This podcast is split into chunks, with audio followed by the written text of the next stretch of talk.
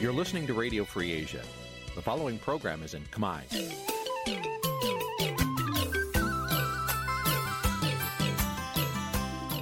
នេះជាកម្មវិធីផ្សាយ Vuthu Azizi Serai នេះជាកម្មវិធីផ្សាយរបស់ Vuthu Azizi Serai ជាភាសាខ្មែរ Vuthu Azizi Serai សូមស្វាគមន៍លោកអ្នកនាងទាំងអស់ពីរដ្ឋធានី Washington នៃសហរដ្ឋអាមេរិក។ ចាប់ពីរដ្ឋធានី Washington នាងខ្ញុំម៉ៅសុធានីសូមជម្រាបសួរលោកអ្នកស្ដាប់ទាំងអស់ជាទីមេត្រី ចាយើងខ្ញុំសូមជូនការផ្សាយសម្រាប់ព្រឹកថ្ងៃសុក្រ900ខែអាសាឍឆ្នាំខាលចត្វាស័កពុទ្ធសករាជ2566ហើយដល់ត្រូវនៅថ្ងៃទី22ខែកក្កដាគ្រិស្តសករាជ2022ជាដំបូងនេះសូមអញ្ជើញលោកអ្នកនាងកញ្ញាស្ដាប់ព័ត៌មានប្រចាំថ្ងៃដែលមានមេត្តាដូចតទៅ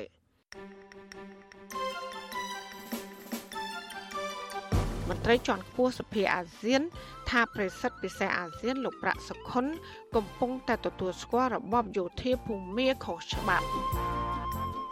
គណៈបកចំនួន4ស្នើទៅរដ្ឋាភិបាលកុំឲ្យអនុម័តសេចក្តីព្រាងច្បាប់រដ្ឋធម្មនុញ្ញដែលបង្កផលប៉ះពាល់បញ្ហាសង្គមជាច្រើនតំណាងបរដ្ឋមានចំនួនដីធ្លីនៅស្រុកស្រែអំបិលទាមទារឲ្យតុលាការលុបចោលការចោទប្រកាន់ទាំងអយុត្តិធម៌ កសិករខេត្តជាប់ព្រំដែនថៃ ស្នើរដ្ឋមន្ត្រីក្រសួងពាណិជ្ជកម្មដោះស្រាយបញ្ហារកទីផ្សារលក់កសិផល រួមនឹងព័ត៌មានសំខាន់សំខាន់មួយចំនួនទៀតជាជាបន្តទៅទៀតនេះនាងខ្ញុំម៉ៅសុធានីសូមជូនព័ត៌មានទាំងនោះពឺស្ដាប់ ចាលោកនានីជាទីមេត្រីអតីតតំណាងរាស្ត្រហ្វីលីពីន និងជាសមាជិកគណៈកម្មាធិការនយោបាយនៃក្រុមសមាជិកសភាអាស៊ានដើម្បីសិទ្ធិមនុស្សហៅកាត់ថា APHR លោក Tom Villarin ជំរុញឲ្យលោកប្រសិទ្ធខុនប្រសិទ្ធពិសេសអាស៊ាន ស្ដីពីមីយ៉ាន់ម៉ាឬភូមាត្រូវទៅជួបតំណាងរដ្ឋាភិបាលស្របច្បាប់របស់ភូមាជាសាធារណៈលោក Tom Villarin ថ្លែងក្នុងសេចក្តីថ្លែងការណ៍របស់ APHO កាលពីថ្ងៃទី21ខែកក្កដាថាយើងស្វាគមន៍ក្រសួងការបរទេសកម្ពុជា ឬប្រេសិតពិសេសអាស៊ាន ចំពោះការទទួលស្គាល់អំពីភាពចាំបាច់ក្នុងការចូលរួមគ្រប់ភាគីដើម្បីដោះស្រាយវិបត្តិនយោបាយនៅមីយ៉ាន់ម៉ា លោកបញ្ជាក់ថានេះគឺជារឿងត្រឹមត្រូវដែលបេសកជនពិសេសអាស៊ានស្ដីពីមីយ៉ាន់ម៉ាលោកប្រាក់សុខុន បានដឹកនាំគណៈប្រតិភូទៅបំពេញទស្សនកិច្ចនៅភូមាដើម្បីជួបភាគីទាំងអស់ដោយដែលមានចែងក្នុងកិច្ចព្រមព្រៀងទាំង5ចំណុចរបស់អាស៊ានប៉ុន្តែលោកថាវាមិនត្រឹមត្រូវទេដែលលោកប្រាក់សុខុន បានជួបក្រុមមេដឹកនាំរបបសឹកខុសច្បាប់ជាសាធារណៈ ប៉ុន្តែបែរជាលោកចង់ជួបខាងតំណាងរដ្ឋាភិបាលរួបរวมជាតិនិងអ្នកពាក់ព័ន្ធដទៃទៀតជាសម្ងាត់នោះលោកថមវេឡារិនអះអាងថាលោកប្រាក់សុខុនធ្វើបែបនេះគឺជាការផ្ដល់ភាពត្របច្បាប់ដល់របបសឹកដែលបានប្រព្រឹត្តបទអក្រិតធ្ងន់ធ្ងរលោកប្រាក់សុខុនបានបញ្ចប់ដំណើរទស្សនកិច្ចការងារជាលើកទី2កាលពីដើមខែកក្កដាក្នុងនាមជាប្រេសិតពិសេសអាស៊ានស្ដីពីបញ្ហាមីយ៉ាន់ម៉ា ប៉ុន្តែលោកនៅតែខកខានប្រមាណជួបជាមួយមេដឹកនាំឬក៏តំណាងណាម្នាក់នៃរដ្ឋាភិបាលរួមរំជាតិភូមិមាននោះឡើយរួមទាំងអ្នកស្រីអង្សានស៊ូជីផងដែរទៅទៅវិញលោកប្រាក់សុខុននៅតែបន្តជួបតំណាងមេដឹកនាំរបបសឹកភូមិខុសច្បាប់ដែលដឹកនាំដោយឧត្តមស្នេហ៍មានអង្លាំងដដែលបច្ចុប្បន្នស៊ីស្រីមិនអាចតាក់ទងแนะនាំពាក្យក្រសួងការបរទេស លោកជុំសុនារីដើម្បីសាកសួរបញ្ហានេះ បាននៅឡើយទេកាលពីយប់ថ្ងៃទី21ខែកក្កដាទោះយ៉ាងណាក្តីសេចក្តីថ្លែងការណ៍របស់សមាជិកសភាអាស៊ានក៏បានបញ្ជាក់ថាវានៅមិនទាន់យឺតពេកទេសម្រាប់ប្រេសិតពិសេសអាស៊ានឬក៏ប្រធានអាស៊ានក្នុងការបន្តស្វែងរកដំណោះស្រាយនយោបាយនៅមីយ៉ាន់ម៉ាដូច្នេះនៅសល់5ខែទៀតដែលកម្ពុជានឹងផុតអាណត្តិធ្វើជាប្រធានអាស៊ាន ក្នុងរយៈពេល5ខែទៀតនេះលោកប្រាក់សុខុននិងក្រុមការងាររបស់លោកអាចមានពេលគ្រប់គ្រាន់សម្រាប់ជួបតំណាងរដ្ឋាភិបាលរួបរวมជាតិភូមាជាសាធារណៈនិងស្ដាប់ការទាមទាររបស់ពួកគេសេចក្តីថ្លែងការណ៍ជំរុញឲ្យប្រធានអាស៊ាន ដាក់សម្ពាធនិងដាក់ទណ្ឌកម្មលើរបបយោធាខុសច្បាប់នេះដើម្បីជំរុញឲ្យមេដឹកនាំរដ្ឋប្រហារលោកមីនអងឡាំងងាកទៅកាន់តុចរចានោះវិញ។ ចាលោកនាងជាទីមេត្រីក្រោយទៅពីការស្ដាប់ការផ្សាយរបស់វិទ្យុអសីស្រីតាមបណ្ដាញសង្គម Facebook និង YouTube លោកនាងកញ្ញាក៏អាចស្ដាប់ការផ្សាយរបស់យើង តាមរយៈរលក ធាតុអាកាសខ្លីឬ Short Wave ដូចតទៅ ចាប់ពីព្រឹកចាប់ពីម៉ោង5កន្លះដល់ម៉ោង6កន្លះគឺតាមរយៈរលកធាតុអាកាសខ្លី12140 kHz ស្មើនឹងកម្ពស់ 25m និង13715 kHz ស្មើនឹងកម្ពស់ 22m ចាសម្រាប់ពេលយប់វិញគឺចាប់ពីម៉ោង7កន្លះដល់ម៉ោង8កន្លះគឺតាមរយៈរលកធាតុអាកាសខ្លី9960 kHz ស្មើនឹងកម្ពស់ 30m 12140 kHz ស្មើនឹងកម្ពស់ 25m ហើយនឹង11885 kHz ស្មើនឹងកម្ពស់ 25m ចាសសូមអរគុណលោកនានីជាទីមេត្រីគណៈបកក្រៅរដ្ឋាភិបាលចំនួន4កាលពីថ្ងៃទី21ខែកក្កដាម្សិលមិញបានដាក់ញត្តិស្នើទៅដល់រដ្ឋាភិបាលកុំឲ្យអនុម័តលើសេចក្តីព្រៀងរដ្ឋធម្មនុញ្ញតាមការចង់បានរបស់លោកនាយករដ្ឋមន្ត្រីហ៊ុនសែន គណៈបកទាំង4លើកឡើងថាគម្រោងកែច្បាប់កម្ពុជាលើកទី10នៅពេលនេះគឺជាការកាត់បន្ថយអំណាចសភានិងបង្កផលប៉ះពាល់បញ្ហាសង្គមជាច្រើនទៀតទោះយ៉ាងណាអ្នកនាំពាក្យរដ្ឋសភាអះអាង ថាសេចក្តីព្រាងច្បាប់រដ្ឋធម្មនុញ្ញគឺជាការបំពេញចំណុចខ្វះខាត នៃរដ្ឋធម្មនុញ្ញតែប៉ុណ្ណោះចាលោកទីនតាការីយ៉ាមានសេចក្តីរាយការណ៍ព័ត៌មាននេះ គណៈបកក្រៅរដ្ឋាភិបាលចំនួន4មិនគាំទ្រសេចក្តីព្រៀងការរដ្ឋធម្មនុញ្ញលើកទី10នេះទេមេដឹកនាំគណៈបកទាំងនេះបានកាន់ញត្តិទៅគូសទ្វាររដ្ឋសភា រំលឹកទៅសមាជិកសភាទាំងអស់ឲ្យគិតពីប្រយោជន៍ពលរដ្ឋនិងផលវិបាកសង្គមក្រោយអនុម័តសេចក្តីព្រៀងកែរដ្ឋធម្មនុញ្ញនេះរួចប្រធានគណៈបកប្រជាធិបតេយ្យមូលដ្ឋានលោកយើងវិរៈដែលកាន់ញត្តិដាក់ជូនរដ្ឋសភាលើកឡើងថាផលលំបាកមួយចំនួននឹងកើតមានក្រោយពេលសេចក្តីព្រៀងច្បាប់វិសោធនកម្មរដ្ឋធម្មនុញ្ញ លោកបន្តថាការកែមេត្រា119នៃរដ្ឋធម្មនុញ្ញនឹងបើកដៃឲ្យគណៈបកនយោបាយស្នើតែងតាំងនាយករដ្ឋមន្ត្រីរំលងអង្គសភាលោកបន្តទៀតថាការកែមេត្រា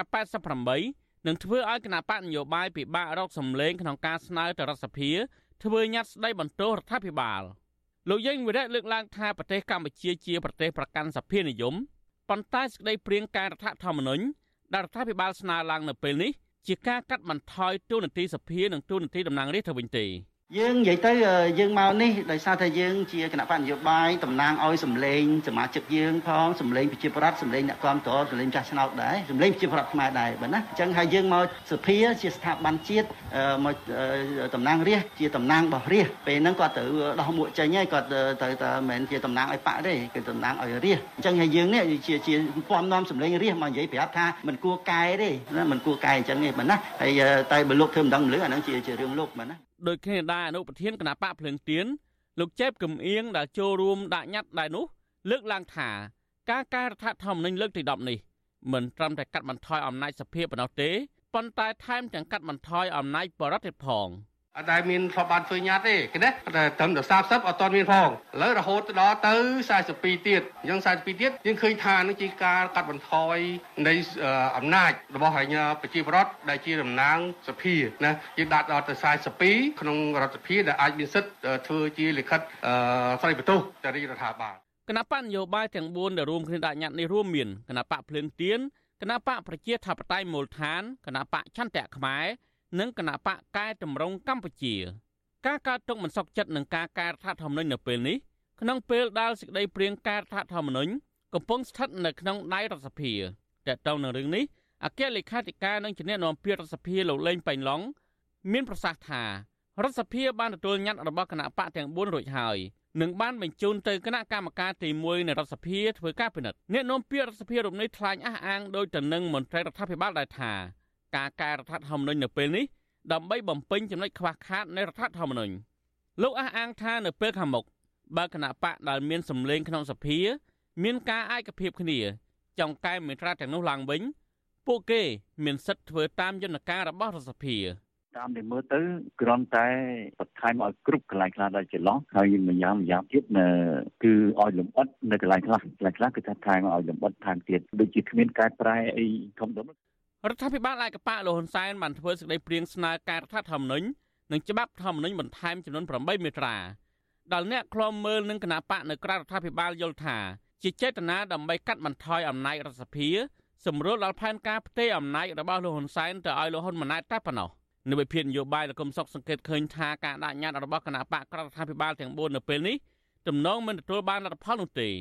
លោកបន្តថាទោះជាប្រធានសភាអនុប្រធានសភា និងសមាជិកសភាទាំងអស់ ដឹងថាការកែរដ្ឋធម្មនុញ្ញនៅពេលនេះនឹងធ្វើឲ្យរដ្ឋសភាបាត់បង់អធិបតេយ្យរបស់ខ្លួនក្តីប៉ុន្តែអ្នកទាំងនោះនឹងនៅតែធ្វើតាមបំណងរបស់លោកហ៊ុនសែនដដែលព្រោះពួកគេមិនហ៊ានប្រឈមនឹងលោកហ៊ុនសែនឡើយពីព្រោះបើគេមិនបោះឆ្នោតគ្រប់គ្រងទេ ពួកគេត្រូវជ្រើសរើសផ្លូវហើយគឺផ្លូវអសន្តិសុខចំពោះខ្លួនគេគ្រួសារគេ ជាពិសេសផ្ដើមចេញពី ការដែលលោកហ៊ុនសែនរកគ្រប់ល្បិចកលបំផ្លាញទ្រព្យសម្បត្តិពួកគេដែលរកបានកន្លងមកអគ្គលេខាធិការរដ្ឋសភាលោកលេងពេញឡុងអះអាងថាមកទល់ពេលនេះគណៈកម្មការនីតិកម្មនិងយុទ្ធធរនៃរដ្ឋសភានិងគណៈកម្មការជំនាញផ្សេងទៀតរួមទាំងដំណើររដ្ឋាភិបាលកំពុងតែប្រជុំពិនិត្យនិងពិភាក្សាសេចក្តីព្រាងការរដ្ឋធម្មនុញ្ញមុនពេលបើកិច្ចប្រជុំពេញអង្គសភាដើម្បីអនុម័តប៉ុន្តែលោកមិនទាន់ឲ្យដឹងពីពេលវេលាជាក់លាក់ ដែលរដ្ឋសភានឹងអនុម័តសេចក្តីព្រាងវិសោធនកម្មរដ្ឋធម្មនុញ្ញនេះនៅពេលណានៅឡើយទេប៉ុន្តែលោកថាការធ្វើវិសោធនកម្មនេះជាការប្រញាប់ខ្ញុំទីនសាការីយ៉ាអស៊ីសេរីប្រធានីវ៉ាស៊ីនតោនលោកនាងកញ្ញាកំពុងស្ដាប់ការផ្សាយរបស់វិទ្យុអសីស្រីផ្សាយចេញពីរដ្ឋធានី Washington មន្ត្រីអង្គការសង្គមស៊ីវិលស្នើដល់អាជ្ញាធរចុះត្រួតពិនិត្យអគារពាណិជ្ជកម្មមួយចំនួនដែលគ្រប់គ្រងដោយជនជាតិចិន ហើយដែលអាចមានករណីប្រតិបត្តិការឆបោកតាមប្រព័ន្ធអ៊ីនធឺណិត និងការចាប់បង្ខាំងមនុស្សធ្វើទរណកម្មដើម្បីចម្រិតទារប្រាក់ ការស្នើសុំនេះធ្វើឡើងក្រោយដែលស្ថាប័នសារព័ត៌មានអន្តរជាតិដ៏ល្បីមួយឈ្មោះ Al Jazeera ថ្មីថ្មីនេះបានលាតត្រដាងពីក្រុមអង្គការដែលមានកេរ្តិ៍ឈ្មោះមិនល្អនិងអិសរាជជននៃរដ្ឋាភិបាលលោកហ៊ុនសែនដែលពាក់ព័ន្ធនឹងការប្រព្រឹត្តអំពើពុករលួយក្នុងជំនួញដែលរកស៊ីល្មើសច្បាប់លក្ខណៈបទអូក្រិដ្ឋចាសសេចក្តីរាយការណ៍ពុស្ដាពីរឿងនេះលោកណានៀងនឹងបានស្ដាប់នាពេលបន្តិចទៀតនេះ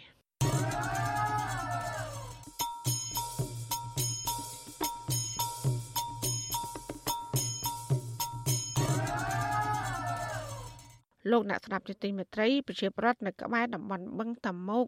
សោកស្ដាយចំពោះទង្វើរបស់មន្ត្រីខុទ្ទកាល័យលោកនាយករដ្ឋមន្ត្រីហ៊ុនសែនគឺលោកគង់ចម្រើនដែលប្រើពាក្យសម្ដីមិនសមរម្យព្រមទាំងស្ទុះចង់ប្រើអំពើហិង្សាលើពលរដ្ឋតំណាងសហគមន៍មានចំនួនដីធ្លីប្រមាណ30នាក់តំណាងឲ្យបរដ្ឋជាង250គ្រួសារដែលមានចំនួនដីធ្លី នៅក្បែរតំបន់បឹងតមោកស្ថិតនៅក្នុងភូមិសំរោងត្បូងបាននាំគ្នាបន្តតាមដានញត្តិរបស់ពួកគាត់ដែលបានដាក់ទៅក្រសួងដែនដីនគររូបនីយកម្មនិងសំណង់និងស្ថាប័នរដ្ឋាភិបាលព្រមទាំងខុទ្ទកាល័យលោកនាយករដ្ឋមន្ត្រីហ៊ុនសែនកាលពីព្រឹកថ្ងៃទី21ខែកក្កដាម្សិលមិញដោយស្នើសុំឲ្យជួយពន្លឿនដោះស្រាយវិវាទដីធ្លីនេះចានេះគឺជាសេចក្តីរាយការណ៍របស់លោកជាតិចំណានជំវិញព័ត៌មាននេះ ក្រមពលរដ្ឋមានចំនួនដីធ្លីនៅជាប់បឹងតមោកចាត់ទុកទង្វើរបស់មន្ត្រីខុទ្ទកាល័យលោកហ៊ុនសែនគឺលោកគង់ចម្រើនថាអនុវត្តទូនីតិគ្មានវិជាជីវៈនិងគ្មានឆន្ទៈក្នុងការបម្រើប្រជាពលរដ្ឋឲ្យបានត្រឹមត្រូវនោះទេតំណាងប្រជាសហគមន៍ភូមិសំរោងត្បូងលោកស្រីប្រាក់សុភាប្រាប់វិសុអេស៊ីស្រីនៅថ្ងៃទី21ខែកក្កដាថាមូលហេតុដែលអ្នកភូមិមកតាមដានញត្តិម្ដងហើយម្ដងទៀតនេះ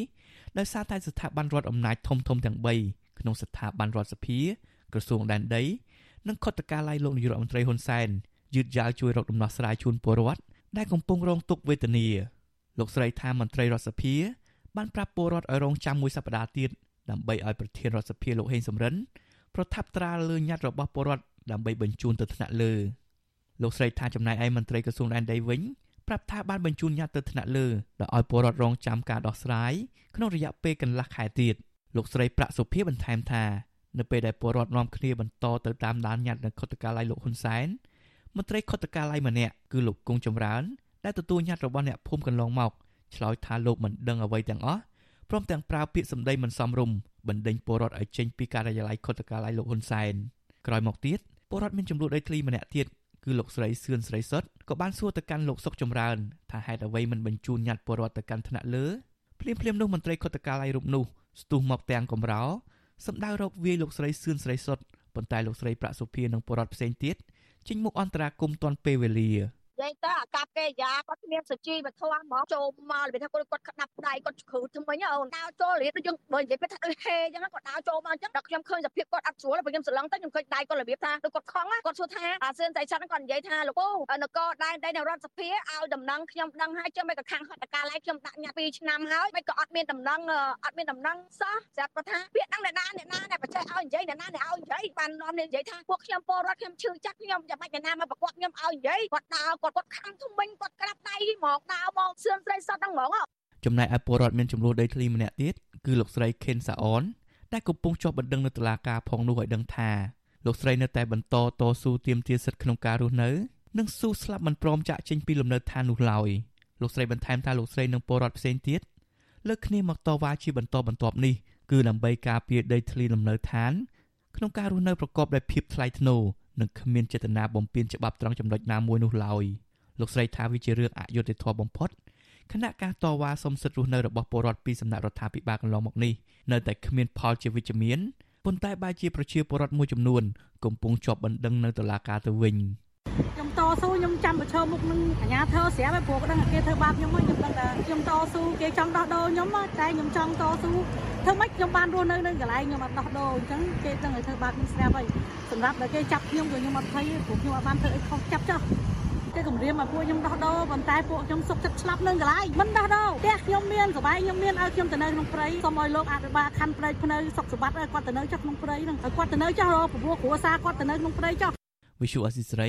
មិនអាចតាក់ទងអភិបាលខណ្ឌព្រៃភ្នៅលោកសុកសម្បត្តិនិងមន្ត្រីខុទ្ទកាឡៃលោកនាយករដ្ឋមន្ត្រីហ៊ុនសែនគឺលោកគង់ចម្រើនដើម្បីឆ្លើយបំភ្លឺបញ្ហានេះបានទេនៅថ្ងៃទី21ខែកក្កដាជុំវិញរឿងនេះអ្នកសម្របសម្រួលគម្រោងធុរកិច្ចនិងសិទ្ធិមនុស្សនៃមជ្ឈមណ្ឌលសិទ្ធិមនុស្សកម្ពុជាលោកវ៉ាន់សុផាតសង្កេតឃើញថាករណីវិវាទដីធ្លីនៅតំបន់បឹងតមោកដែលអូសបន្លាយកន្លងមកនេះគឺដោយសារតែអាជ្ញាធរមិនបានខ្វល់ខ្វាយក្នុងការដោះស្រាយជូនពលរដ្ឋទៅតាមនីតិវិធីនោះទេ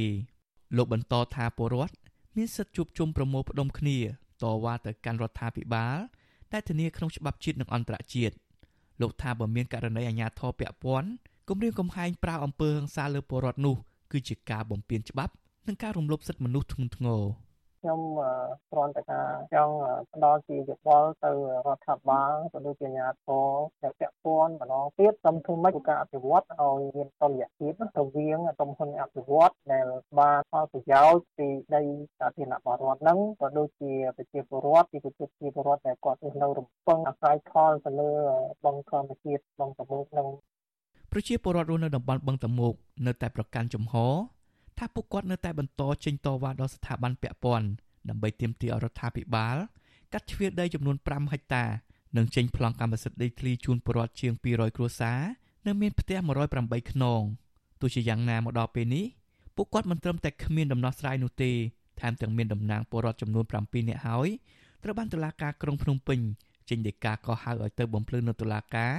នៅថ្ងៃទី4ខែសីហាខាងមុខនេះដោយសារតែពួកគាត់ ធ្វើសកម្មភាពរារាំងគ្រឿងចាក់ក្រុមហ៊ុនមួយចំនួនឲ្យបញ្ឈប់ការចាក់ដីលុបបឹងតមោកដើម្បីបញ្ជៀសការបំផ្លិចបំផ្លាញផលដំណាំនិងផ្ទះសម្បែងរបស់ពួកគាត់នៅពេលកន្លងមកនេះខ្ញុំបាទជាចំណាន Visual Assisray ប្រធានាទី Washington លោកណានីជាទីមេត្រីមេធាវីការពីក្តីឲ្យកញ្ញាសេងធីរីអះអាងថាមន្ត្រីមួយចំនួននៅក្នុងពន្ធនាគារខេត្តព្រះវិហារហាមឃាត់កញ្ញាមិនឲ្យធ្វើពិធីគ្រឹះសាសនា មន្ត្រីសង្គមស៊ីវិលលើកឡើងថាការគោរពជំនឿសាសនានៅក្នុងពេលដែលជាប់ឃុំ គឺជារឿងមួយដែលត្រូវលើកទឹកចិត្តឲ្យធ្វើនិងមន្ត្រីមានការរដ្ឋបတ်នោះឡើយចាប់ពីរដ្ឋធានី Washington លោកជីវតាមានសេចក្តីរាយការណ៍ព័ត៌មាននេះមេធាវីការពារក្តីឲ្យកញ្ញាសេងធីរី លោកជួងជូងីប្រាប់វិទ្យុអាស៊ីសេរីនៅថ្ងៃទី21កក្កដាថាមន្ត្រីពន្ធនាគារខេត្តព្រះវិហារមិនអនុញ្ញាតឲ្យកញ្ញាសេងធីរីធ្វើពិធីគោរពសាសនាគ្រឹះ គណៈកញ្ញាជាគ្រឹះសាសនិកមួយរូបត្រូវការបួងសួងរាល់ចុងសប្តាហ៍ដោយមន្ត្រីពន្ធនាគារមិនបញ្ជាក់ពីមូលហេតុឡើយការលើកឡើងនេះធ្វើឡើងបន្ទាប់ពីលោកបានទៅសួរសុខទុក្ខកញ្ញាសេងធីរីនៅពន្ធនាគារខេត្តព្រះវិហារកាលពីថ្ងៃទី19កក្កដាលោកមេធាវីជួងជួងងីបញ្ជាក់ថា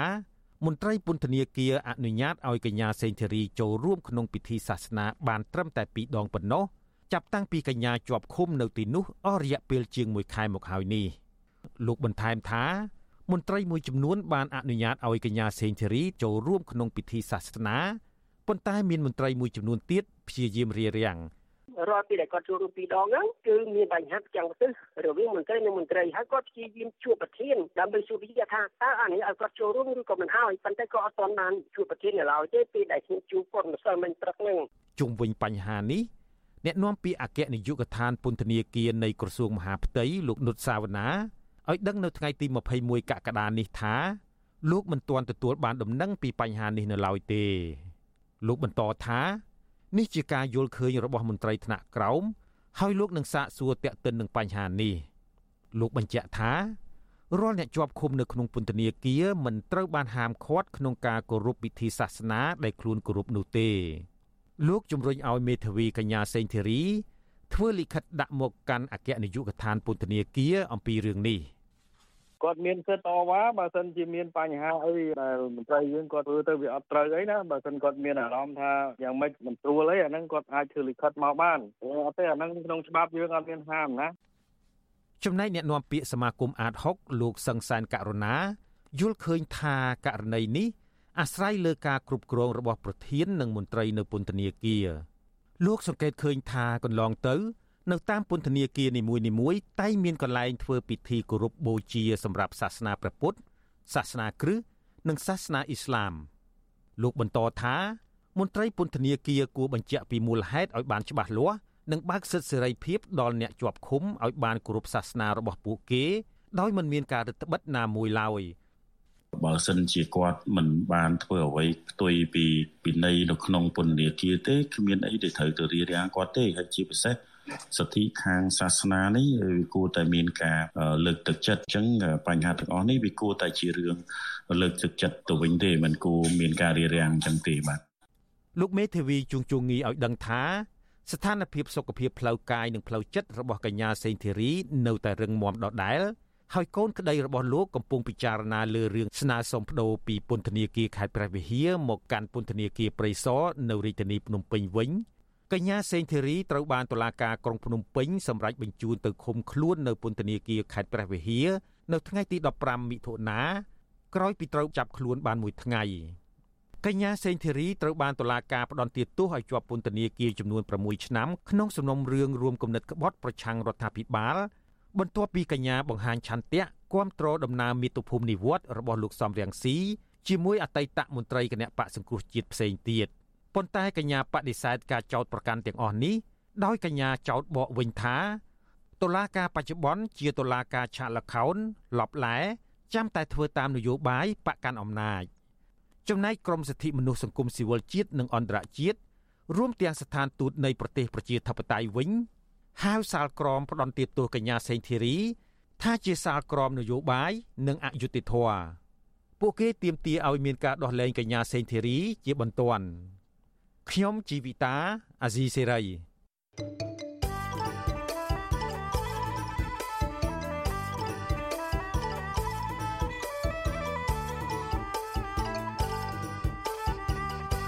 ចាលោកអ្នកស្ដាប់ទទីមេត្រីនៅឯខេត្តកំពង់ធំឯនោះវិញប្រជាពលរដ្ឋនៅខេត្តនេះសប្បាយចិត្តដែលមេឃុំមួយរបស់គណៈបកភ្លើងទៀនសហការជាមួយនឹងអាជ្ញាធរនៃគណៈបកកាន់អំណាចបំពេញការងារបម្រើប្រជាពលរដ្ឋបានល្អចាមន្ត្រីសង្គមស៊ីវិលយល់ថាការដែលមេឃុំសហការគ្នា ដើម្បីបម្រើដល់ម្ចាស់ឆ្នោតបែបនេះគឺជារឿងល្អហើយនឹងធ្វើឲ្យការអភិវឌ្ឍនៅក្នុងមូលដ្ឋានតំបន់នោះរីកចម្រើនឆាប់រហ័ស ប្រជាពលរដ្ឋនៅស្រុកប្រាសាទបាឡាំងលើកឡើងថាពលរដ្ឋនៅក្នុងមូលដ្ឋានមួយចំនួនសប្បាយចិត្តដែលមេឃុំជាប់ឆ្នោតថ្មីបម្រើប្រជាពលរដ្ឋបានល្អមិនក្បត់ឆន្ទៈម្ចាស់ឆ្នោត។ ប្រជាប្រដ្ឋរស់នៅឃុំដងស្រុកប្រាសាទបាឡាំងលោកសួនប៉នប្រាប់វត្ថុស៊ីស្រីនៅថ្ងៃទី21ខែកក្កដាថាមេឃុំគណៈបព្វភ្លើងទៀនដែលទៅឡើងកាន់តំណែងថ្មី បានសហការជាមួយនឹងអាជ្ញាធរនៃគណៈបកកណ្ដាលអំណាចនៅក្នុងមូលដ្ឋាន បំពេញការងារបម្រើបរដ្ឋបានឆាប់រហ័សនិងមិនប្រព្រឹត្តអំពើពុករលួយ ក្នុងពេលដែលបរដ្ឋទៅធ្វើលិខិតស្នាមផ្សេងផ្សេងនោះឡើយ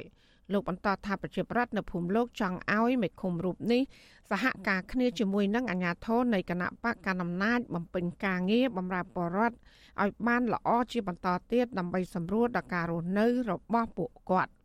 ទទួលបដិសន្ធារៈអីគ្រប់គ្រាន់ត្រឹមត្រូវដែរបាទប៉ុន្តែមិនដឹងថា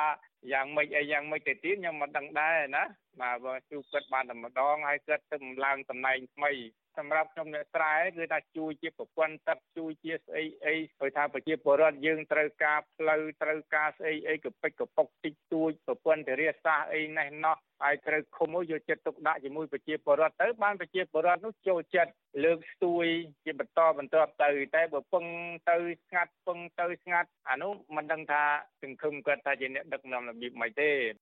កតងនឹងបញ្ហានេះ មេឃុំដងគណៈបកភ្លើងទៀនលោកពឹងសុហុនប្រាប់វត្ថុស៊ីស្រីថាចាប់តាំងពីលោកឡើងកាន់តំណែងជាមេឃុំ កាលពីថ្ងៃទី7ខែកក្កដាមក លោកធ្វើការរហូតដល់ម៉ោង5ទៅ6ល្ងាចជាប្រចាំដើម្បីបម្រើតម្រូវការដល់ម្ចាស់ឆ្នោត ដោយមិនហ៊ានឈប់សម្រាកនោះឡើយលោកបន្តថារាល់ការងារទាំងអស់ គឺលោកអនុវត្តទៅតាមសេចក្តីណែនាំរបស់ក្រសួងមហាផ្ទៃគឺមិនប្រព្រឹត្តអំពើពុករលួយដោយយកប្រាក់ពីប្រជាប្រដ្ឋក្រៅផ្លូវការនោះឡើយលោកបញ្ជាក់ថាការងារទាំងនេះដំណើរការទៅបានរលូនគឺដោយសារតែមានកិច្ចសហការល្អពីសមាជិកក្រុមប្រឹក្សាឃុំនៃគណៈបកប្រជាជនកម្ពុជា។ អត់ទេយើងធ្វើការខ្ញុំថារៀបដោយស្មោះត្រង់វាស្មោះត្រង់ហើយរៀបចំពេញចិត្តក៏ខ្ញុំនឹងធ្វើមិនគឺថាអស់ពីខ្ញុំកាយចិត្តខ្ញុំខ្ញុំដាច់ញ៉ាំតែខ្ញុំជាវត្តអស់ពីសមត្ថភាពរបស់ខ្ញុំខ្ញុំមានកម្លាំងកាយកម្លាំងចិត្តខ្ញុំអាចធ្វើបានលើថ្ងៃម៉ោង5ម៉ោង6ម៉ោង1យប់រហូតការបោះឆ្នោតជ្រើសរើសក្រុមប្រឹក្សាឃុំសង្កាត់អាណត្តិទី5 កាលពីខែមិថុនាកន្លងទៅនៅឃុំដូងស្រុកប្រាសាទបាឡាំងគឺមានគណៈបញ្ញយោបាយចំនួន5ចូលរួមប្រកួតប្រជែងហើយមាន5អាសនៈក្នុងនោះមានតែគណៈបក2ប៉ុណ្ណោះដែលបានឈ្នះឆ្នោតគឺគណៈបកភ្លើងទៀនឈ្នះធ្វើជាមេឃុំដោយទទួលបាន3អាសនៈនិងគណៈបកប្រជាជនកម្ពុជាទទួលបាន2អាសនៈធ្វើជាជំទប់ទី2ជំទប់ទី2គណៈបកប្រជាជនកម្ពុជាលោកតូចទឿក ប្រាប់វត្ថុស៊ីស្រីថាលោកពេញចិត្តបំពេញការងារជាមួយមេឃុំដងមកពីគណៈបកភ្លើងទៀនដែលទៅបនឹងបានឡើងកាន់តំណែងថ្មីលោកបញ្ជាក់ថាលោកនឹងសហការល្អជាមួយមេឃុំរូបនេះដើម្បីធ្វើការរួមគ្នាបម្រើផលប្រយោជន៍ប្រជាពលរដ្ឋជាបន្តទៀត ការគូស្មារតីហ្នឹងយើងជិះឆ្លេងទៅយើងគាត់ស្ងប់ចិត្តអីយើងធ្វើការបម្រើរឿងជាមួយអត់មានប្រកាន់រឿងបាក់ទូយើងបម្រើប្រជាពលរដ្ឋទាំងអស់គាត់ថាការបានអត់អការបីជាការងារដូចជាអត់កើតនេះទេគឺប៉ុន្តែដូចថាកន្លងមកដូចយើងមកធ្វើការសហគមន៍ការងារតែសល់គឺឃុំណាត់ចាស់មកយើងធ្វើទាំងអស់គ្នាទាំងគាត់ទាំងខ្ញុំរួមដៃនេះធ្វើទាំងចប់ជុំវិញរឿងនេះដែរប្រធានសមាគមការពារសិទ្ធិមនុស្សអាត់ហុក លោកនេះសុខាមានប្រសាសន៍ថាការដែលមេឃុំជាប់ឆ្នោតសហការគ្នាបំពេញការងារបម្រើផលប្រយោជន៍ប្រជាពលរដ្ឋគឺជារឿងល្អនិងធ្វើឲ្យការអភិវឌ្ឍភូមិឃុំរីកចម្រើនឆាប់រហ័សលោកក៏បានស្នើឲ្យមេឃុំដតីទៀតដែលមានគណៈបញ្ញយោបាយចម្រុះជាប់ឆ្នោតដឹកនាំនៅមូលដ្ឋាន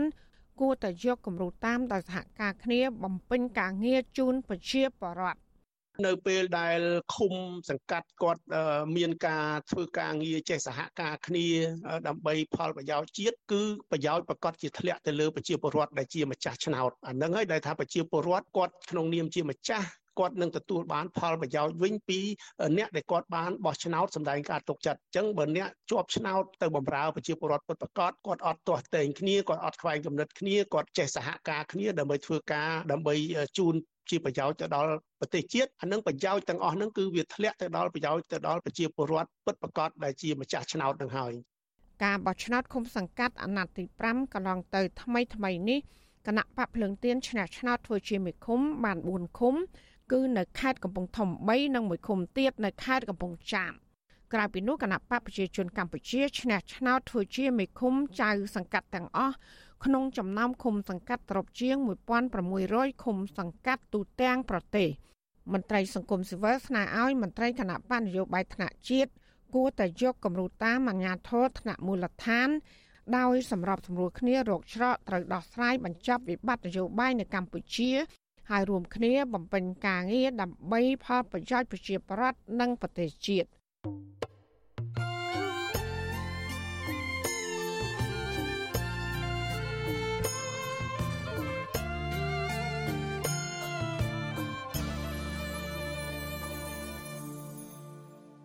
ចាលោកនាងជាទីមេត្រីកសិករដាំមៀននិងពោតក្រហមអំពីនីដល់រដ្ឋមន្ត្រីក្រសួងពាណិជ្ជកម្ម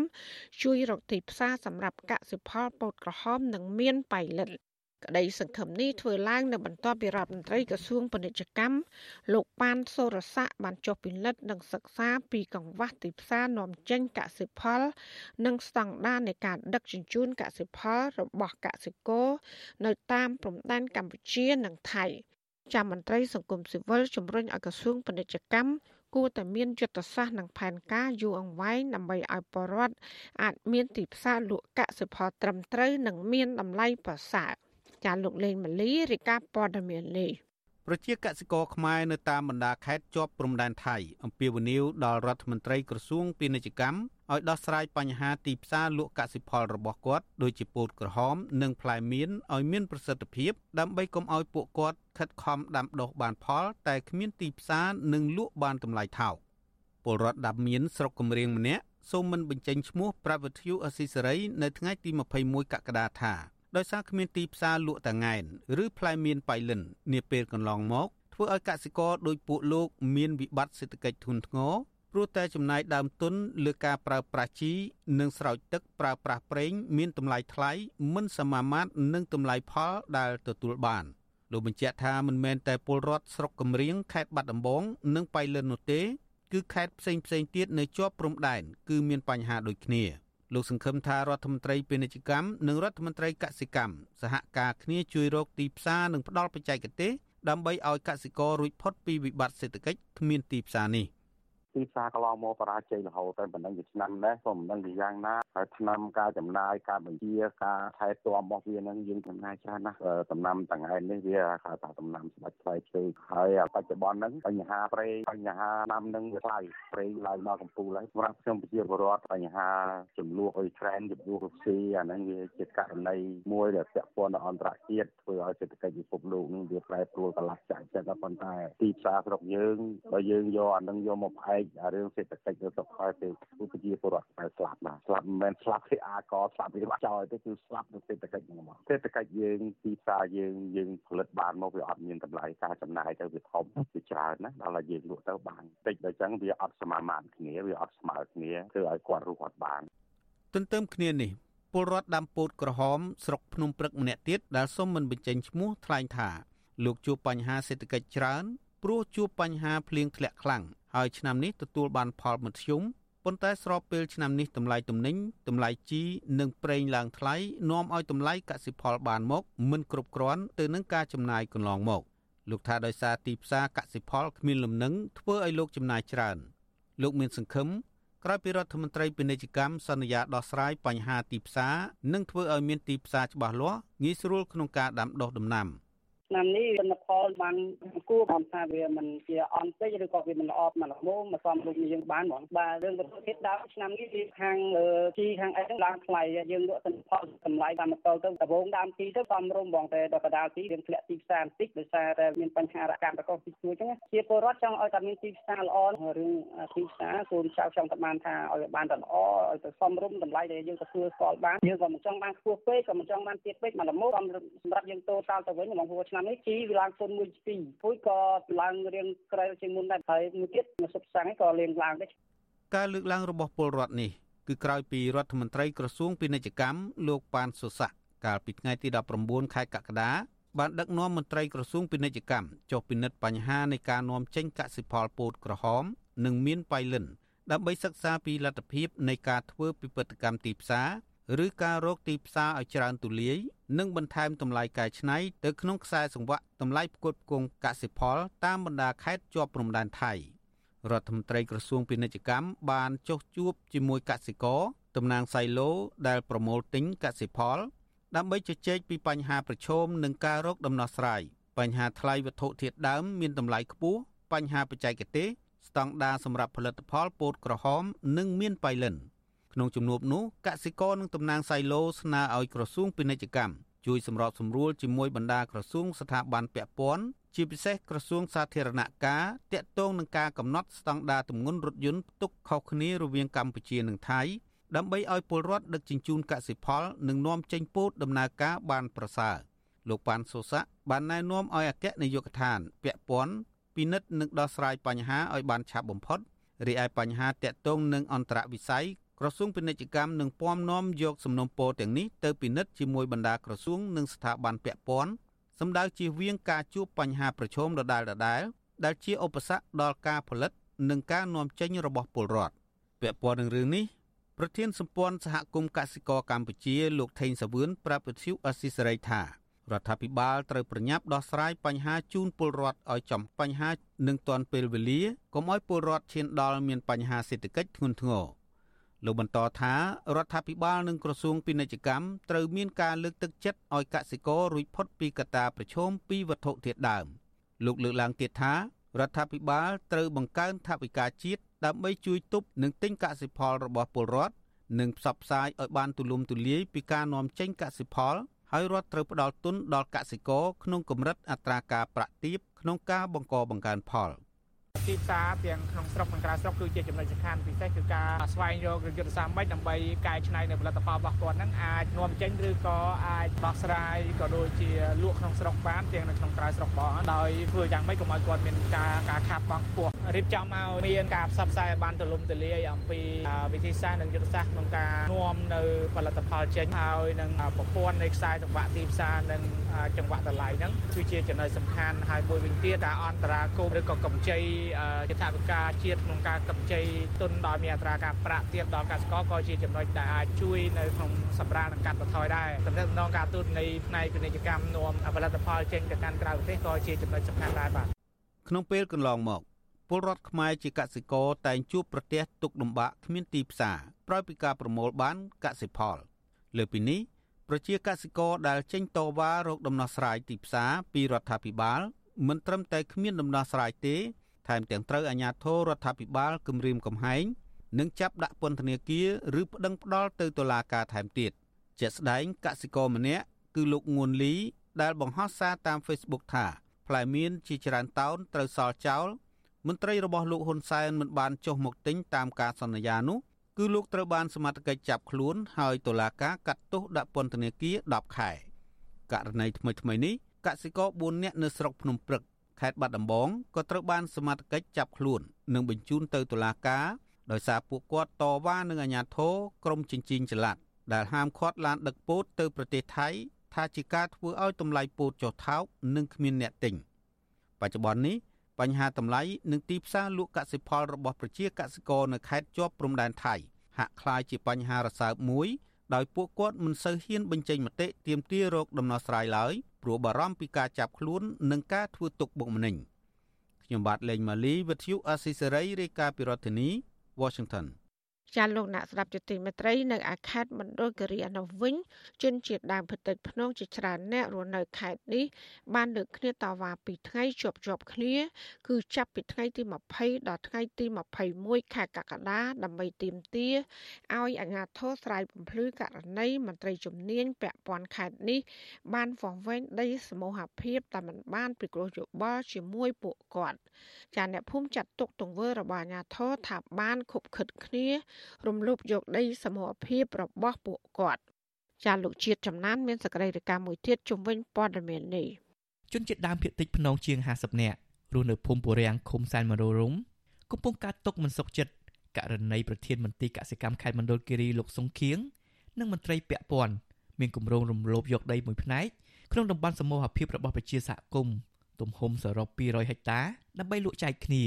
ពួកគាត់អះអាងថាប្រសិនបើអាជ្ញាធរមានភាពស្មោះត្រង់ គួរតែផ្ដល់ដំណឹងនិងជជែកពិភាក្សាជាមួយសមាជិកសហគមន៍ជាមុនសិនមុននឹងចុះវាស់វែងដីសមូហភាពទាំងនោះអនុប្រធានសហគមន៍ភូមិពូរាំងលោកជើងមលើងប្រាប់វិសុអេស៊ីសរ៉ៃនៅថ្ងៃទី21ខែកក្កដាថាអាញាធមមិនផ្ដល់តម្លៃដល់ប្រជាសហគមន៍ក្នុងការជជែកពិភាក្សារកហេតុផលនោះទេលើពីនេះតំបន់ដែលអាញាធរវាស់វែងស្ថិតនៅចំណុចភូមិអូរាំងទល់នឹងអូរយ៉ាទំហំជាង200ហិកតាដែលជាកន្លែងពលរដ្ឋជាង40គ្រួសារ ធ្វើចំការវិលជុំនិងខ្វៀលគោក្របីតាំងពីដូនតារហូតមកលោកបន្ថែមថាអ្នកភូមិតវ៉ាពីថ្ងៃជាប់គ្នាដោយមិនឃើញអាជ្ញាធរស្រ័យបំភ្លឺបញ្ហាគោលបំណងនៃការវាស់វែងនេះឲ្យបានច្បាស់លាស់នៅឡើយទេប្រជាពលរដ្ឋខ្លាចបាត់បង់អត្តសញ្ញាណរបស់គាត់ហើយខ្លាចបាត់ ដីអាស្រ័យផលជំគោក្បីនេះដូចថាដីកសិកម្មរបស់ភូមិហ្នឹងណាឃ្វាលគោក្បីចិញ្ចឹមសត្វប្រមទៅវាមានដីកាសាវលចំអញ្ចឹងណាពីពីតាមអូតាមអូនោះខ្លាចប៉ះពាល់ដល់ថ្ងៃក្រោយទៅមិនគេឲ្យខាងក្រុមហ៊ុនគេគួងគេ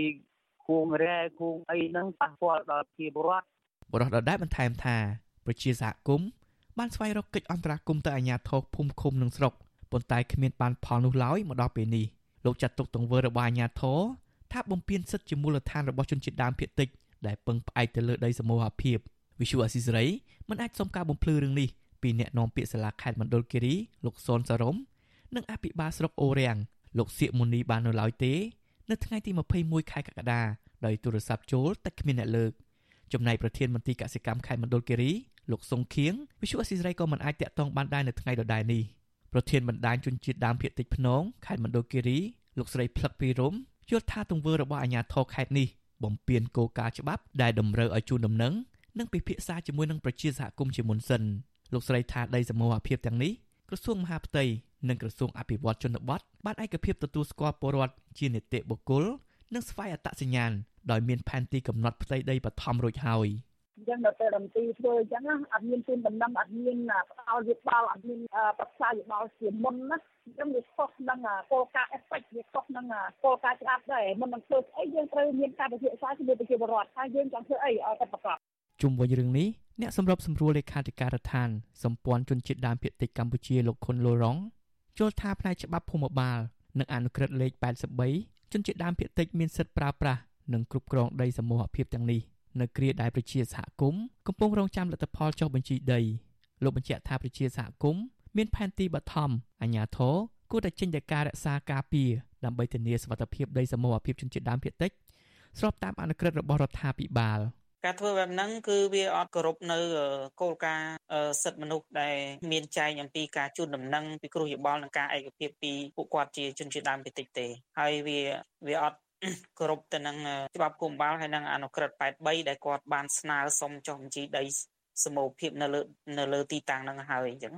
អ្នកភូមិពូរាំងទាំងមូលបានចាត់ទុកដីសមូហភាពនេះជាប្រភពសេដ្ឋកិច្ចយ៉ាងសំខាន់ដែលពួកគេតែងតែធ្វើចំការវិលជុំបែបប្រពៃណីជាច្រើនចំនួនមកហើយ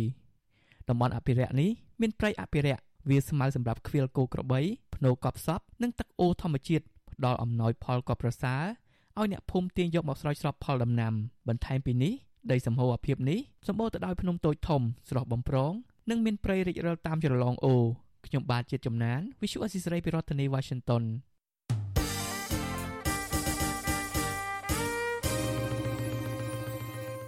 ចាលោកនានីជាទីមេត្រីមន្ត្រីជលផល ថាបាត់ល្មើសនេសាទទ្រង់ទ្រាយធំ នៅលើផ្ទៃបឹងទលេសាប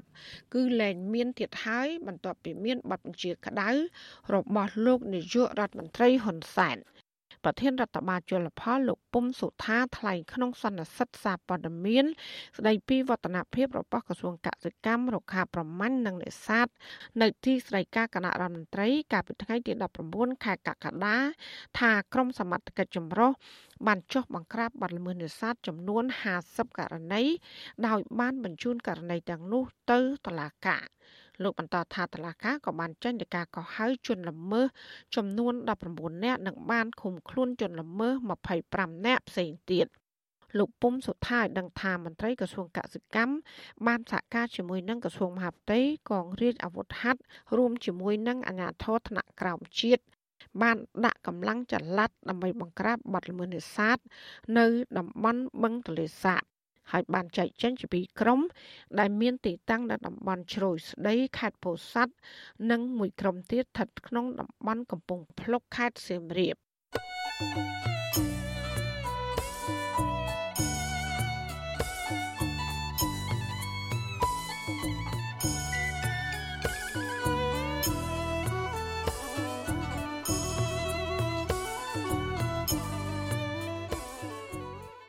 លលោកនានីជាទីមេត្រីមន្ត្រីអង្គការសង្គមស៊ីវិល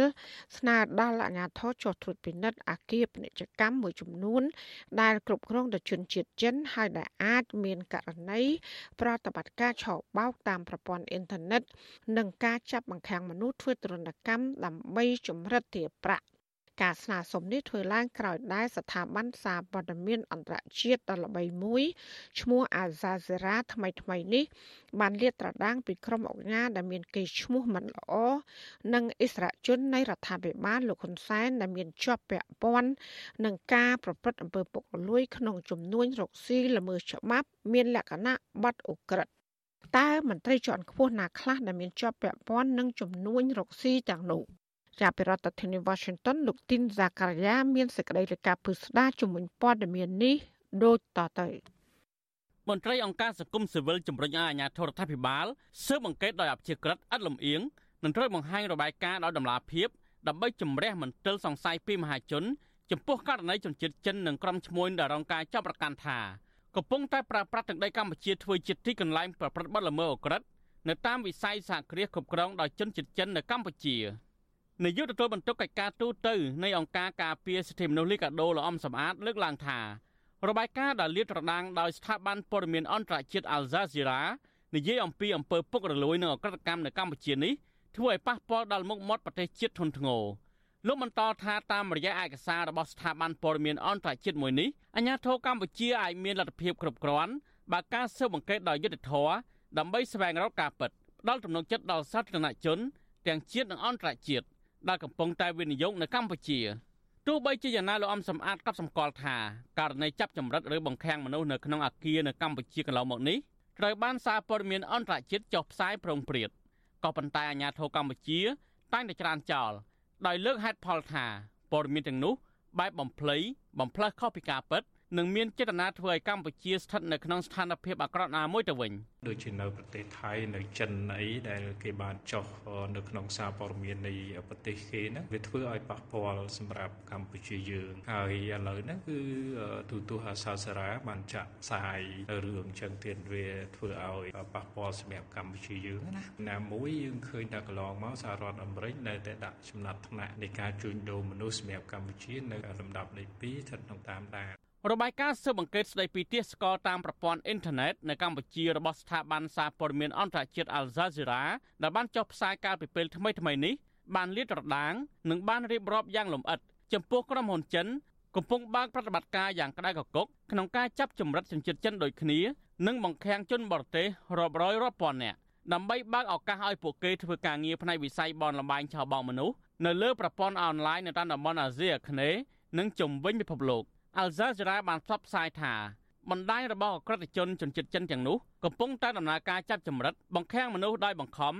ឲ្យធ្វើការខុសច្បាប់ដែលភ ieck ច្រើនស្ថិតនៅតំបន់អាគារគ្រប់គ្រងដោយជនជាតិចិននៅក្នុងខេត្តប្រសិទ្ធនុនិងតំបន់ដាច់ស្រយាលមួយចំនួនទៀតដូចជាខេត្តពោធិ៍សាត់ខេត្តតាកែវក្រុងប៉ោយប៉ែតនិងនៅរាជធានីភ្នំពេញជាដើមស្ថាប័នសារព័ត៌មានអន្តរជាតិដដាលបញ្ជាក់ទៀតថាជនរងគ្រោះដែលចាញ់បោកក្រុមអក្រិតជនជនជាតិចិន មានជាច្រើនទម្រង់ ក្នុងនោះមានជនរងគ្រោះខ្លះត្រូវបានក្រុមអក្រិតជនចិនចាប់ផ្ដើមបង្កើតទំនាក់ទំនងលើបណ្ដាញសង្គមបន្ទាប់មក ជនឆោបោកជនជាតិចិនព្យាយាមរកតម្រុយក្នុងការលួចលុយពីក្នុងគណនីធនាគារជនរងគ្រោះដោយឡែកជនរងគ្រោះដទៃទៀតគឺត្រូវបានក្រុមឆោបោកជនជាតិចិនរៀបចំឃោសនាការងារលើបណ្ដាញសង្គមនានាដោយលបួងប្រាប់ថាមានការងារអាចរកប្រាក់ចំណូលបានពីខ្ទង់1500ដុល្លារក្នុងមួយខែក្រោយមកទៀតនៅពេលដែលជនជាតិចិន ឬជនបរទេសណាសម្រេចដាក់ពាក្យចូលធ្វើការងារនោះពួកគេត្រូវបានក្រុមឆោបោកជនជាតិចិនដល់បើកប្រតិបត្តិការនៅក្នុងខេត្តប្រសិទ្ធអនុដកហូតលិខិតឆ្លងដែនព្រមទាំងធ្វើកិច្ចសន្យាការងារនិងតម្រូវឲ្យបង់ប្រាក់ចំនួន1200ដុល្លារជាមុនសិនក្នុងឃ្លីបវីដេអូរបស់ Al Jazeera បានបង្ហាញថាជនដែលត្រូវបានជនជាតិចិនឆោបោកទាំងនោះគឺត្រូវបានបង្ខាំងនៅក្នុងអាគារស្ថិតនៅក្នុងខេត្តប្រសិទ្ធអនុដោយហុំព័ទ្ធដល់របងខ្ពស់អមដោយបន្លាលួស នៅជុំវិញទីកន្លែង ដែលក្រុមអក្រិតកម្មជនជាតិចិន ធ្វើទរណកម្មពួកគេជនរងគ្រោះខ្លះត្រូវបានក្រុមឆោបោកជនជាតិចិន សម្រាប់សម្លៀកបំពាក់វាយខ្នោះដៃឆក់ខ្សែភ្លើងវាយដំនឹងដំបងដោយសារតែពួកគេមិនអាចរកអតិថិជនតាមប្រព័ន្ធអ៊ីនធឺណិតដើម្បីចម្រិតទារប្រាក់តាមតម្រូវការរបស់ពួកគេបាន ស្ថាប័នសារព័ត៌មានអន្តរជាតិ Al Jazeera រកឃើញថាក្រុមឆោបោករបស់ចិននៅកម្ពុជា ដំណើរការទៅបានដោយសេរី គឺដោយសារតែស្ថិតនៅក្រោមការការពារដោយក្រុមមន្ត្រីក្រាក់ក្រាក់របស់លោកនាយករដ្ឋមន្ត្រីហ៊ុនសែនរួមទាំងក្រុមអង្គការដែលមានកេរ្តិ៍ឈ្មោះមិនល្អសុទ្ធសឹងតែមានទំនាក់ទំនងយ៉ាងស្អិតរមួតជាមួយក្រុមហ៊ុនចិនឆោបោកនៅកម្ពុជាលើសពីនេះទៀតក្រុមវិនិយោគិនជនជាតិចិនមួយចំនួនទៀតដែលជាម្ចាស់អគារសម្រាប់ឃុំឃាំងមនុស្សធ្វើទរណកម្មនៅក្នុងខេត្តប្រសេះអនុនោះសុទ្ធសឹងតែមានកេរ្តិ៍ឈ្មោះអាក្រក់និងមានប្រវត្តិជាអ្នកទោសនៅក្នុងប្រទេសចិនដោយសារតែជាប់ពាក់ព័ន្ធនឹងការលាងលុយកខ្វក់ និងការប្រព្រឹត្តអំពើពុករលួយខ្នាតអន្តរជាតិជាដើមសារព័ត៌មានអន្តរជាតិដដែល បានរាយការណ៍ថាបរិវេណតំបន់អាគារ Crown Industrial Park ស្ថិតនៅក្នុងខេត្តប្រសេះអនុក្នុងនោះម្ចាស់ក្រុមហ៊ុន Crown Resort គឺជាក្រុមហ៊ុនបត់សម្ព័ន្ធនៃក្រុមហ៊ុនរបស់លោកកុកអាន ដែលជាសមាជិកព្រឹទ្ធសភាប្រចាំភូមិភាគ5នៃរដ្ឋាភិបាលលហ៊ុនសែនជនរងគ្រោះដែលរួចខ្លួនចេញពីការបង្ខាំងនៅក្នុងអគារនោះ បានឲ្យដឹងថា នៅមានជនរងគ្រោះចំនួន2000ទៅ3000នាក់ផ្សេងទៀតត្រូវគេបង្ខាំងនៅក្នុងបរិវេណនៃអគារដែលជាម្ចាស់កម្មសិទ្ធិរបស់លោកកុកអានប្រពន្ធដដែលបញ្ជាក់ថាក្រុមឆោបោកយកជនរងគ្រោះទាំងនោះទៅឃុំឃាំងនៅក្នុងអគារនេះត្រូវបានឆ្មាំសន្តិសុខដែលមានឯកសន្តាន មានផ្លាកសញ្ញាផ្គត់ផ្គង់ទឹកឈ្មោះអានកោរបស់លោកកុកអានត្រូវបានយាមកាមយ៉ាងតឹងរឹងមិនឲ្យពួកគេអាចចុះពីលើអគារបានសូម្បីតែជន់ផ្ទាល់ដីចំណែកឯតំបន់មួយទៀត ឈ្មោះ Town Victory Paradise Resort and Casino ដែលមានចម្ងាយប្រមាណជាង5គីឡូម៉ែត្រចេញពីក្រុមហ៊ុនរបស់លោកកុកអាន ក្នុងនោះជនរងគ្រោះដែលត្រូវគេបង្ខាំងឲ្យធ្វើការខុសច្បាប់ បានឲ្យដឹងថាក្រុមហ៊ុននោះឈ្មោះ Hengsen លោក Hengsen គឺជាវិនិយោគិន ជនជាតិចិនវ័យក្មេងម្នាក់តែងតែបរិច្ចាគថវិកាទៅកាន់រដ្ឋាភិបាលកម្ពុជារហូតត្រូវបានតែងតាំងជាទីប្រឹក្សាផ្ទាល់របស់លោកហ៊ុនសែនអាល់ហ្សាសេរ៉ារាយការណ៍ថា ក្មេងស្រីជនជាតិចិនអាយុ16ឆ្នាំម្នាក់នាងត្រូវបានលក់ទៅឲ្យសន្តាគារ Wysen Palace កាលពីខែសីហាឆ្នាំ2021ក្មេងស្រីម្នាក់នោះថានាងត្រូវបានបង្ខាំងឲ្យធ្វើការបម្រើផ្លូវភេទដល់អតិថិជននៅក្នុងសន្តាគារនោះសារព័ត៌មានដដាលក៏បានរកឃើញដែរថាអ្នកជំនួយម្នាក់ដែលមានឥទ្ធិពលក្នុងរបបលហ៊ុនសែនគឺអង្គញាត្រីភិបក៏មានអាគារសហគ្រាសសម្រាប់ឲ្យជនជាតិចិនប្រតិបត្តិការអាជីវកម្មបែបអក្រិតកម្ម ដោយចាប់ចម្រិតមនុស្សធ្វើទរណកម្មនៅក្នុងអាគារដែលមានសភាពងងឹតស្ថិតនៅក្នុងខេត្តពោធិ៍សាត់ដែរពលរដ្ឋដែលត្រូវបានអង្គការត្រីភិបរំលោភយកដីធ្លីដើម្បីធ្វើជាតំបន់អក្រិតកម្មនៅតំបន់នោះអះអាងថាពួកគាត់ធ្លាប់ឃើញមានការចាប់បញ្ជូនមនុស្សចូលទៅក្នុងបរិវេណអាគាររបស់លោកត្រីភិបនិងមានសម្លេងឆ្រាយចេញពីក្នុងបរិវេណនោះដោយសារតែការធ្វើទរណកម្មទៀតផងលោកត្រីភិបគឺជាអ្នកចំនួនម្នាក់ដែលស្និទ្ធនឹងលោកហ៊ុនសែន ចំណែកឯការធ្វើចំនួនរបស់លោករងការចាប់ប្រកាន់ពីសំណាក់សហគមន៍ជាតិនិងអន្តរជាតិថាជាមេឈ្មោះជួញដូរកាប់ឈើសម្រាប់នាំចេញទៅក្រៅប្រទេសដែលប្រឡូកប្រឡាក់ទៅដោយអំពើពុករលួយក្រសួងរដ្ឋាភិបាលអាមេរិកកាលពីឆ្នាំ2019បានសម្រេចចេញច្បាប់ដ៏មានឥទ្ធិពលដាក់ទណ្ឌកម្មនិងបង្កឬរៀងខ្ទប់ទ្រព្យសម្បត្តិលោកទ្រីភិបដោយសារតែជាប់ពាក់ព័ន្ធនឹងការប្រព្រឹត្តអំពើពុករលួយ និងការរំលោភសិទ្ធិមនុស្សធ្ងន់ធ្ងរនៅកម្ពុជា។ សារព័ត៌មានអន្តរជាតិអាល់ហ្សាសេរ៉ាក៏រកឃើញដែរថាសន្តាគារកាស៊ីណូមួយចំនួនទៀតស្ថិតនៅក្នុងខេត្តប្រសេះអនុសុទ្ធសឹងតែមានក្រុមអ្នកមានអំណាចនៃរបបលហ៊ុនសែនដូចជាលោកហ៊ុនតូដែលជាក្មួយបង្កើតលហ៊ុនសែននិងអង្គញារដ្ឋីសំណាងរកស៊ីជាមួយជនជាតិចិនដែលមានប្រវត្តិរឿងរ៉ាវអាស្រូវជាអ្នកជាប់ទោសដែលជាប់ពាក់ព័ន្ធនឹងអំពើពុករលួយខ្នាតអន្តរជាតិចំណែកឯអង្គញារដ្ឋីសំណាងត្រូវជាកូនប្រសារលោកកុកអានដែលមានទំនាក់ទំនងជាមួយក្រុមហ៊ុនចិន ប្រតិបត្តិការឆោបោកមួយចំនួននៅក្នុងខេត្តប្រសេះអនុដែលជាម្ចាស់អគារគ្រប់គ្រងដោយជនជាតិចិនទាំងនោះសុទ្ធសឹងតែមានជាប់ពាក់ព័ន្ធនឹងអំពើលាងលុយកខ្វក់នៅប្រទេសចិនលោករដ្ឋីសំណាងស្លាប់កាលពីខែឧសភាឆ្នាំ2022វិទ្យុអាស៊ីសេរីមិនអាចតតងសមាជិកប្រសិទ្ធិប្រចាំភូមិភាគ5លោកកុកអានលោកអង្គញាត្រីភិបនិងក្មួយប្រុសបង្កើតលោកហ៊ុនសែនគឺលោកហ៊ុនតូដើម្បីសុំការអធិប្បាយជំវិញនឹងរឿងនេះបានឡើយទេ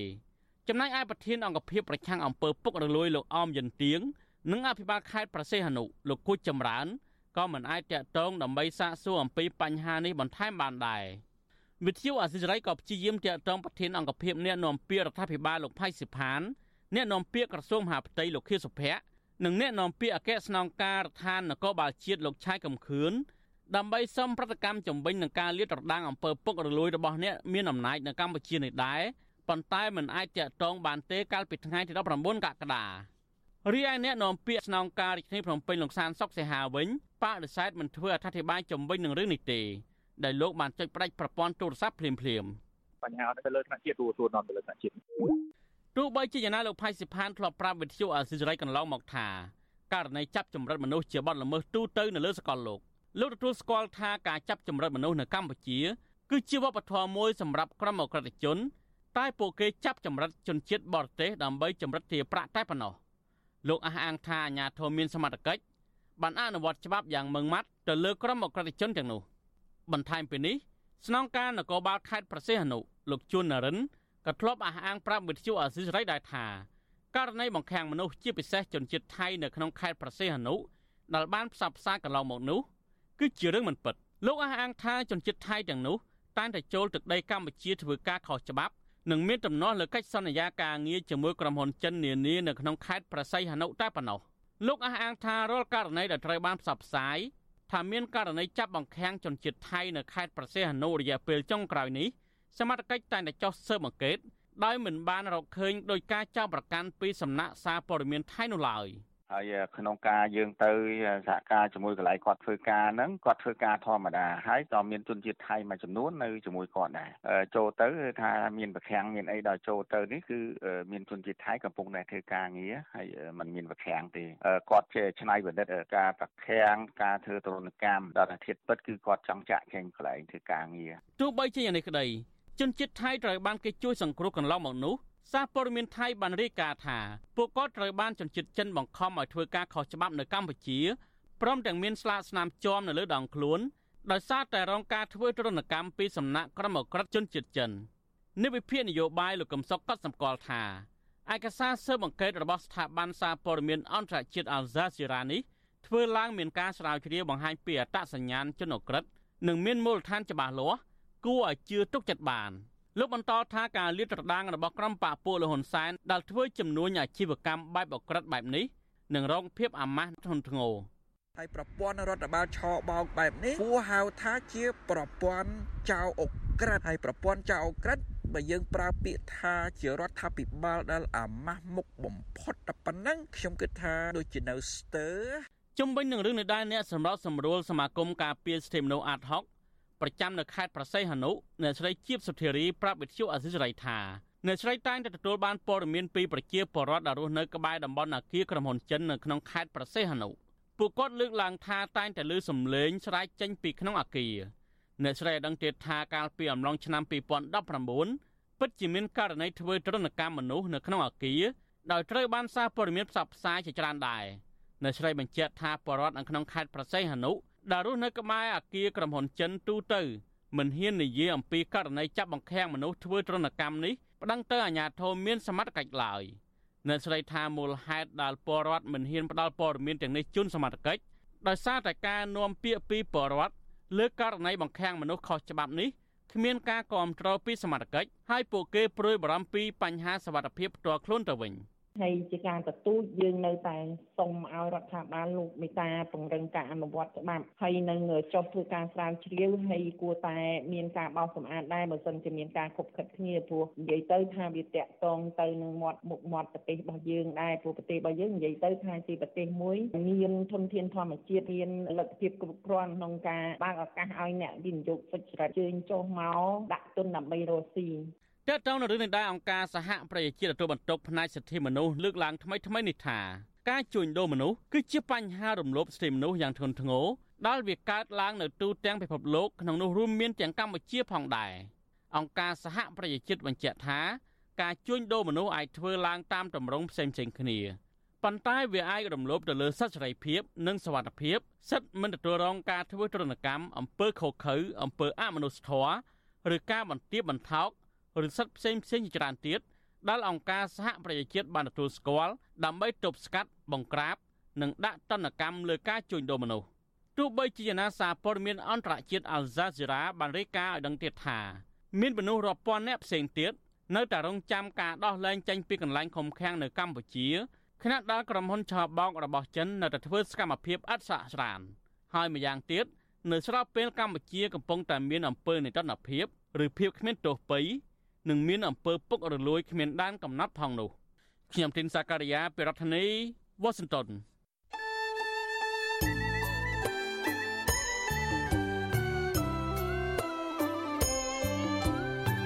ចាលោកនាងកញ្ញាអ្នកស្ដាប់ជាទីមេត្រីកັບផ្សាយរយៈពេល1ម៉ោងនៃវិទ្យុអសីស្រីជាភាសាខ្មែរនៅពេលនេះចាប់តែប៉ុណ្ណេះ។ ចាយើងខ្ញុំទាំងអស់គ្នាសូមជូនពរលោកនាងព្រមទាំងក្រុមគូសាទាំងអស់